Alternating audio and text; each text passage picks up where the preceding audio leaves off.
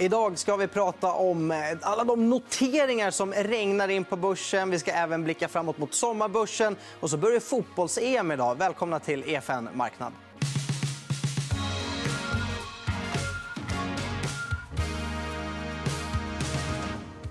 Och välkomna också Joakim Bornold och eh, Maria Landeborn.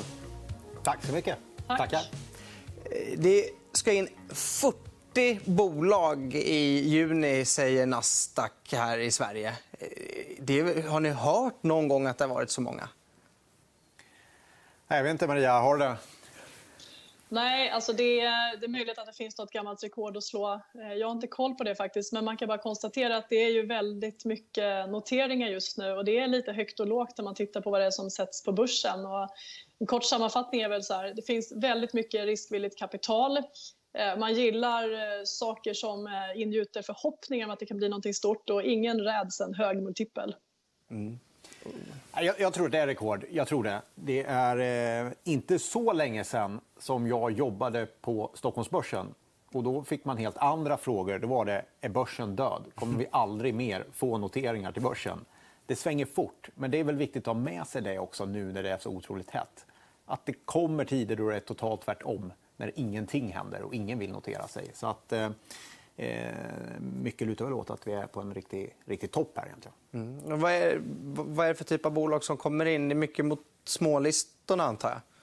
Ja, men det är ju det. Och, och Stockholmsbörsen, eller Nasdaq, pratar ju väldigt mycket om börsnoteringar och att det är en eh, glödhet eh, börsnoteringsperiod här. Men ska vi vara ärliga så är det kanske inte så. För så mycket börsnoteringar det har vi ju inte haft i Stockholm i år. Det är mer ett mediokert år med kanske tre, fyra stycken bolag. Däremot så har vi ju ett väldigt, väldigt starkt klimat utanför börsen, alltså på First North som ju är en reglerad marknad, men inte en börs. Det är någonting annat. Och där är det ju småsparare som i stor grad ser till att de här bolagen får kapital och kan noteras. Det är annorlunda. Det är någonting annat än en börshype. Det är snarare en First North-hype. Mm -hmm. Men när eh, småspararna sväljer allting som dyker upp, då, Maria, säger det någonting om riskaptiten just nu? Det tycker jag att det gör. och Den har ju varit på höga nivåer under rätt lång tid. Och börsen steg kraftigt under fjolåret. Det har varit ganska lätt att hoppa på de här tågen med så teknikbolag, grön energi med mera. Och nu finns det mycket kapital som letar avkastning. Sen så tror jag också då att nu står börsen och stampar lite i sidled. Eh, det är inte samma uppgångar i de här stora teknikaktierna längre. Och eh, som småsparare som kommit in under det senaste året och vill fortsätta bibehålla den fina avkastning som man kanske lyckats med i början så blir det kanske lätt att söka sig till de här eh, nya bolagen som söker sig in på börsen ehm, med stora förhoppningar om en, ljus framtid men väldigt låg omsättning och i många fall ingen vinst överhuvudtaget. Nej. Det blir nog mycket teckna sälj också, antar jag. Det verkar ju väldigt mycket så. så man ser när handeln drar igång att det går mycket så här minimiposter eh, drösvis. Vad kan det innebära? Kan det också innebära att en del kvalitet som faktiskt kommer in blir teckna sälj, glöms bort och sen först två, tre år senare inser man att det här var ett bra bolag? Men absolut. Och så tror jag det kommer bli den här gången också. För First North Kollar man historiskt på hur, hur, omsättningen ser ut i bolagen och hur handeln ser ut så svänger den också väldigt mycket. Vi har haft en period för inte alls så länge sedan då det var nästan ingen handel alls i väldigt många bolag på First North. Eh, det kommer ju dyka upp såna tillfällen att plocka in de här bolagen. För det finns säkert en hel del kvalitet också här som kommer in. Eh, och jag är övertygad om att när vi kommer i en period när riskviljan sjunker rejält då kommer de här glömmas bort, precis som du säger. Och då finns det nog en bra möjlighet att komma in i, i de här bolagen till en riktigt intressant kurs. Så att, eh, ja, en, en, eh, nästa gång de behöver kapital och om det då är en, en betydligt mer eh, lugnare börs då, då, då kan man nog göra lite fynd där. Faktiskt. Mm. Tror du också det, Maria? Ja, man har ju redan nu kunnat göra fynd om man vill in i en del av de här bolagen. För att det är rätt många som det först stigit direkt på noteringen. Eh, för jag tror att det är många som försöker komma in och som har begärt täckning, kanske inte fått tillräckligt och sådär. Och så sticker de iväg men sen faller tillbaka. Så i majoriteten av de här fallen har det varit bättre om man överhuvudtaget vill vara med och inte vara med i noteringen utan avvakta lite grann. Och det är fullt möjligt att vi kommer att ha en period där man börjar titta på de här bolagen mer för vad de är. Eh, många är inte lönsamma som sagt, en del har knappt börjat sälja någonting än. Och eh, då kommer nog kurserna kunna komma ner ganska rejält och förr eller senare behöver de kapital igen. Eh, men det är klart att det finns en del vinnare bland de här också, men det är svårt att utkristallisera vilka det är nu. Kan det här med teckna sälj bli problem för bolagen också? Att det är så många som tecknar sig och sen i slutändan är det så få som sitter kvar att det blir problem med ägarspridning, likviditet och, och, och så vidare? Eller funkar det rätt bra än så länge? funkar rätt bra så länge det är någon som plockar upp de där aktierna som säljs. Eh, och det verkar det ju vara hittills i alla fall. Så, att, så länge det är så funkar det ju bra. Eh, när aktierna väl är ute så är de ute. Men det är klart att är det ett bolag som behöver kapital så, så hamnar du i en situation förstås där, där, där det blir ny, aktuellt med nyemission kanske ganska fort. Och då, då, då är det kanske inte lika lätt att få in det där kapitalet. Och då är frågan för är de här som sitter på aktierna beredda då att gå in med ännu mer kapital? Nej, det är väl inte självklart kanske. Så att, eh, det, det, det, kan bli lite tuffare kanske. Mm. Eh, ska även bli fler SPACs på börsen. Eh, en är redan inne, två på väg. ska bli fler till midsommar. Eh, vad tänker ni om det? Det är ett fenomen som har funnits länge i USA. så Det är inget nytt. Det har funnits jättelänge till och med i, i USA. Men, men blir vi hett ganska sent i USA? Sen har det hunnit svalna där, men nu kommer det hit. Tror ni folk vet vad de köper? Ingen vet väl vad man köper om man tecknar en SPAC eftersom de inte har köpt någonting än. De har ju bara en idé om vad det är de vill köpa. Ehm, jag tror inte att ehm, alla har koll på det. Och sen så ska man ju veta också att det är klart att det är spännande att få vara med om att lyfta in någonting onoterat på börsen med förhoppning om att man ska hitta något lågt eh, värderat som man kan plocka in i noterad miljö och tjäna pengar på. Men det kan också bli en ganska lång väntan på att det ska göras en affär. De har 36 månader på sig att göra ett förvärv och under den tiden så står ju pengarna där och ökar kanske inte i värde då utan man tappar den avkastning som man fått på börsen under tiden om den fortsätter stiga. Sen så småningom så finns det ingen garanti för att man gör ett kap ute på den onoterade marknaden heller utan man konkurrerar ju med andra spackar. Jag tror att det här fenomenet är bara i sin början i Sverige och i Europa. Och eh, man konkurrerar även med PE-firmor, alltså private equity-firmor som också är ute och letar bolag. Så det finns inte en massa gratisluncher där ute att lyfta in på börsen. Det ska man också komma ihåg. Håller du med? Nej, men absolut, det ligger mycket där. Men eh, det lockar ju lite också. Det är ju kul det där att det finns bolag som är noterade som faktiskt har en möjlighet att konkurrera med private equity-bolagen. Eh, och jag tycker det ska bli väldigt spännande att se vart det tar vägen. Det är väl som klassikern som alla sparekonomer säger. Det kan vara en bra krydda i portföljen.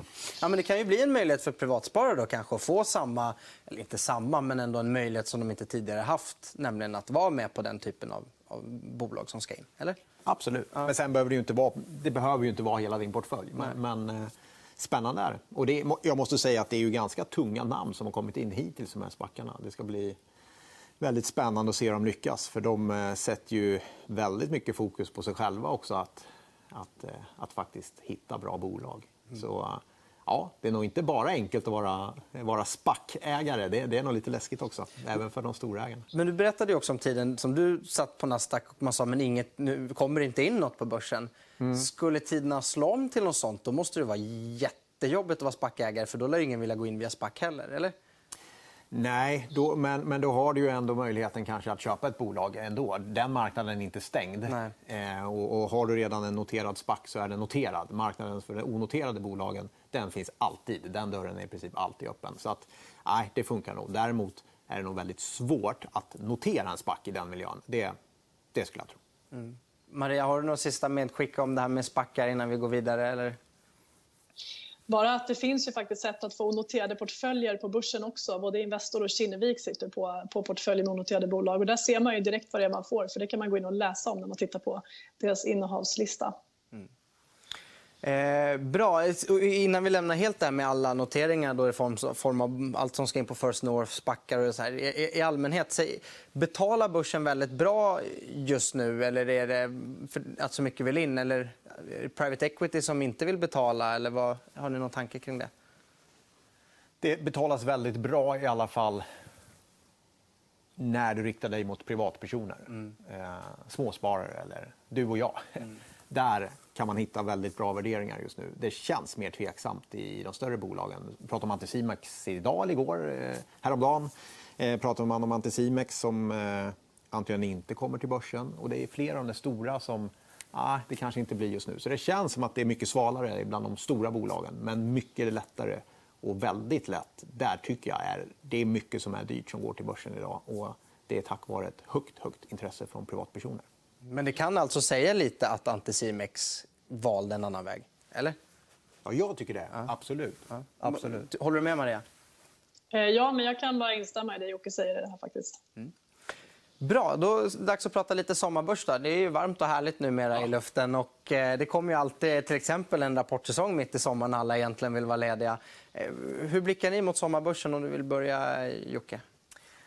Med spänning förstås, som alla gör. Alla är lite på spänn. Ska börsen orka? Ska den fortsätta uppåt? Eh, och det är ju rapporter som kommer in som förstås måste bevisa att konjunkturen går så starkt som vi tror. Det är också den här inflationsoron kommer ju inte dö. Och det finns, som alltid, det finns massa moln på, på börshimlen att fundera på. Så att, eh, jag tror inte jag behöver vara jag behöver inte vara arbetslös den här sommaren i alla fall. Nej. Det finns nog massor att göra tror jag. Ja, skönt. Maria, är det samma för dig? Ja, men det är ju en spännande period. Vi är på väg ut ur coronakrisen. Vi håller på att vaccinera oss ur den mer eller mindre. Även om viruset kommer att finnas kvar så ser vi hur man plockar bort restriktioner i land efter land och förhoppningsvis så ska vi inte behöva gå in i ett nytt kristillstånd till hösten. Så att för tillfället så är det urstarkt. Alltså makrodata är jättestarkt. Rapportsäsongen för Q1 var jättestark. Q2 kommer också bli fantastisk om man tittar på vinsttillväxten. Jag menar för europeisk del så väntas den växa med över 100% vilket i och för sig speglar rasen under fjolåret. Då. Men på börsen så handlar det väldigt mycket om momentum. Så momentum i makro, momentum i vinster och det är väldigt starkt för tillfället. Men sen har vi det här då, som jag pratat en del om på slutet, att eh, någonstans så når vi toppen i tillväxttakten. Inte att ekonomin toppar, för den kommer att växa vidare, men just att den procentuella tillväxten är som högst. Och den, den eh, tidpunkten är ungefär nu, tror jag, för amerikansk del. Den kommer komma i Europa och följa efter tillväxtmarknader och Japan längre fram. Och det där har ofta historiskt sammanfallit faktiskt med att börsen går lite i sidled och att det blir slagigare och mer volatilt. Och jag tror att det är det vi har sett till viss del på slutet. För Q1 var fantastiska. Både i USA och Europa så slog bolagen förväntningarna med det dubbla. Att det dubbla, det är helt fantastiskt. Det lyfte inte börsen överhuvudtaget, det gick i sidled. Så att förväntningarna är rätt högt ställda och man väntar lite skulle jag säga på att se eh, vad som händer när vi så att säga, rullat över den här toppen på tillväxtkullen och vad Fed gör också, inte minst i hösten. Ja, börsen brukar ju blicka långt framåt så den lär ju vilja svalna av innan eh, det är slut på den här fantastiska fina perioden, antar jag? Eller? Ja, ja men ja. Ja. Jag, jag, håller verkligen med. Eh, det var otroligt vad vi var samspelta, eh, jag och Maria. Men jag håller verkligen med. faktiskt. Det var två tråkiga gäster. Man ska ha lite ja, det blev inget bråk Nej, det var ingen konfrontation. Men, men jag håller med. Ja. Det, det, låter högst rimligt, det, det, det Maria säger här. Och jag tror att det är kanske det vi ser lite på börsen också. Det är, lite, det är inte de här jätteuppgångarna vi har sett. Så det krävs nog någonting ganska rejält för att det ska bli de här riktigt snabba uppgångarna härifrån. Så känns det ju. I alla fall i Sverige. Vi har gått superbra hittills i år. Maria, du sa att eh, du tror USA eh, toppar av lite tidigare här i, tillväxttakten. Eh, tänker du då att det finns mer att hämta i Europa och att man kanske ska undervikta USA lite och vikta upp Europa? Har du någon känsla för det? Ja, men jag skulle säga att Europa ser lite mer intressant ut för tillfället. Alltså, så USA är ju bra i osäkra tider för där har vi mycket det här kvalitets och tillväxtbolag, strukturell tillväxt som inte är så konjunkturkänslig. Men blickar vi över till Europa då så har vi lite grann det motsatta. Alltså mycket värdebolag med lägre värderingar, industri, material som gynnas av högtrycket som vi ser i industrin för tillfället och sen så har vi banker som är liksom den enda typen av bolag egentligen som faktiskt gynnas av stigande räntor. Och räntorna väntar vi oss ska klättra uppåt ehm, i takt med att återhämtningen fortsätter. Då. Så att, ja, men jag ser mer potential i Europa. Eh, Sverige har gått fantastiskt redan och vi har ju en liknande sektormix. Men här har det sprungit på ganska mycket. Eh, så att, eh, jag skulle säga mer, mer europeiska aktier och hellre kanske vikta ner lite grann i USA. Då. Vi har i vår strategi en neutral syn på USA. Men det gör ju ändå att man har mycket i USA i portföljen om man har en, en global eh, portfölj. Då. Mm. Ja, får, får du samma känsla? Nej, men absolut. Det, det, vi, vi har fortfarande mycket... Jag tror vi fortfarande överviktar USA, faktiskt. Ehm, om jag kommer ihåg rätt. Och det, det har ju varit ganska bra hittills. Ehm, men eh, ja, jag, jag tror nog generellt så tror jag att eh, risknivån riskaptiten försvinner så kommer den att försvinna ganska snabbt från de flesta marknader. Mm. och då kommer vi nog in i en väldigt stökig period igen på börsen. Då, nu har det varit ganska lugnt och skönt ett tag. men där är vi ju inte nu. Nej. Men man får hissa lite varningsflagg för att blir det en dålig rapportsäsong, får vi lite tråkiga nyheter och framförallt kanske statistik som säger att det inte går riktigt så bra som vi tror så växlar det nog ganska snabbt till en hög volatil marknad igen. Mm, vad är det? Trapporna upp, hissen ner? Mm. Mm. Precis. Mm. Eh, om vi får eh, vara lite tråkiga då.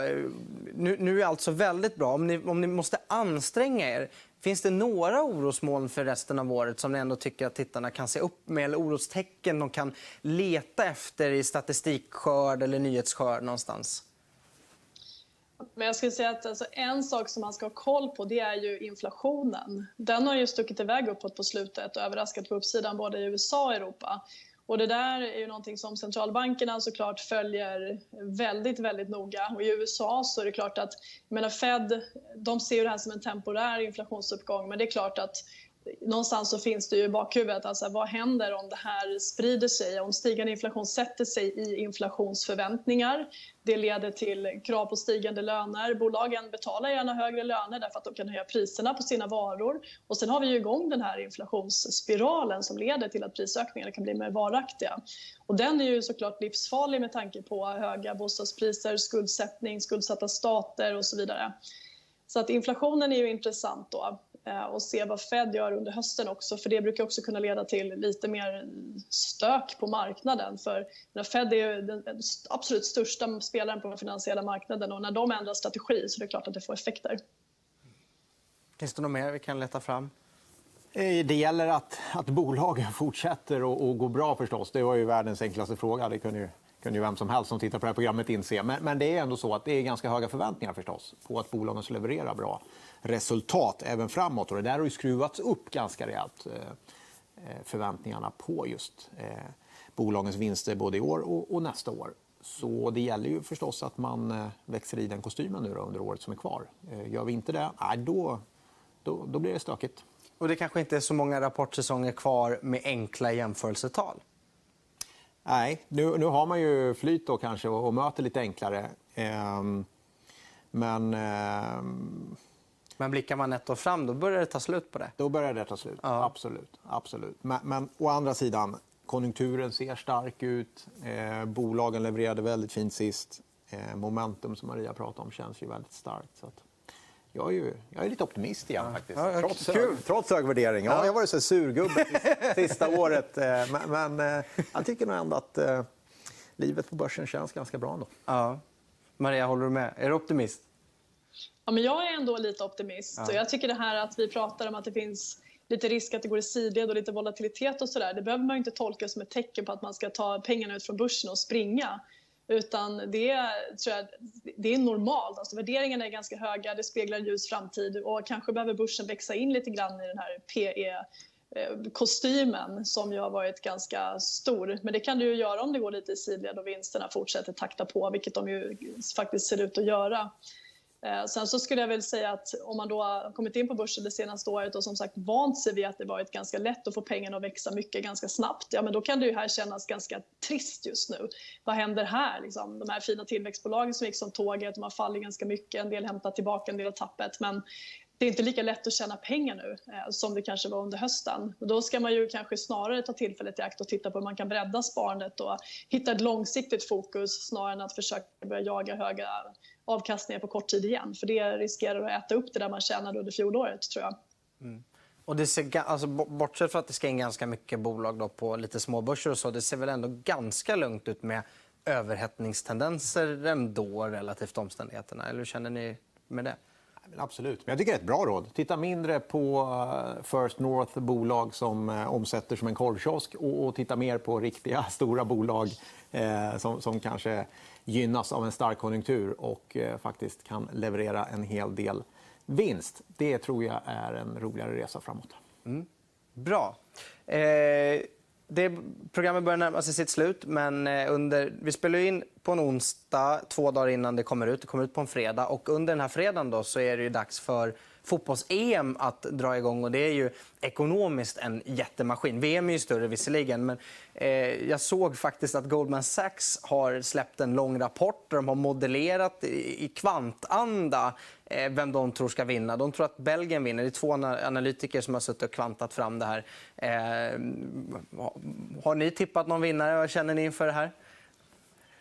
Uh, jag har inte tippat någon vinnare. Alltså jag, jag har dålig koll på fotboll. ska Jag säga. Jag ja. älskar aktier, men dålig koll på fotboll. Uh, deras modell är förmodligen bättre än min. Danska lånar inte ut två analytiker till dig för att modellera fram två vinnare? Eller en vinnare alltså. Nej. Ja.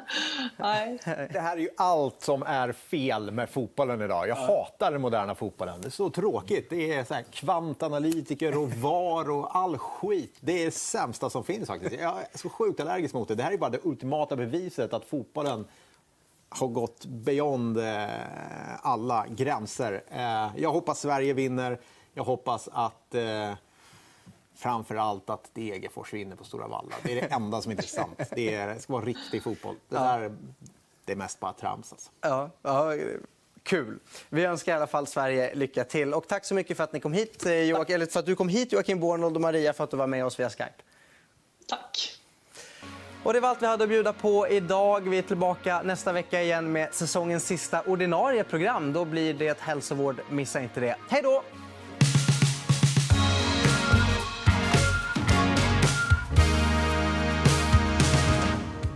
EFN Marknad är en podcast från EFN Ekonomikanalen. Ansvarig utgivare är Anna Fagerström. EFN finns även som app. Där hittar du alla våra videoinslag som hjälper dig att göra det bästa av din ekonomi. Du hittar appen i App Store och Google Play.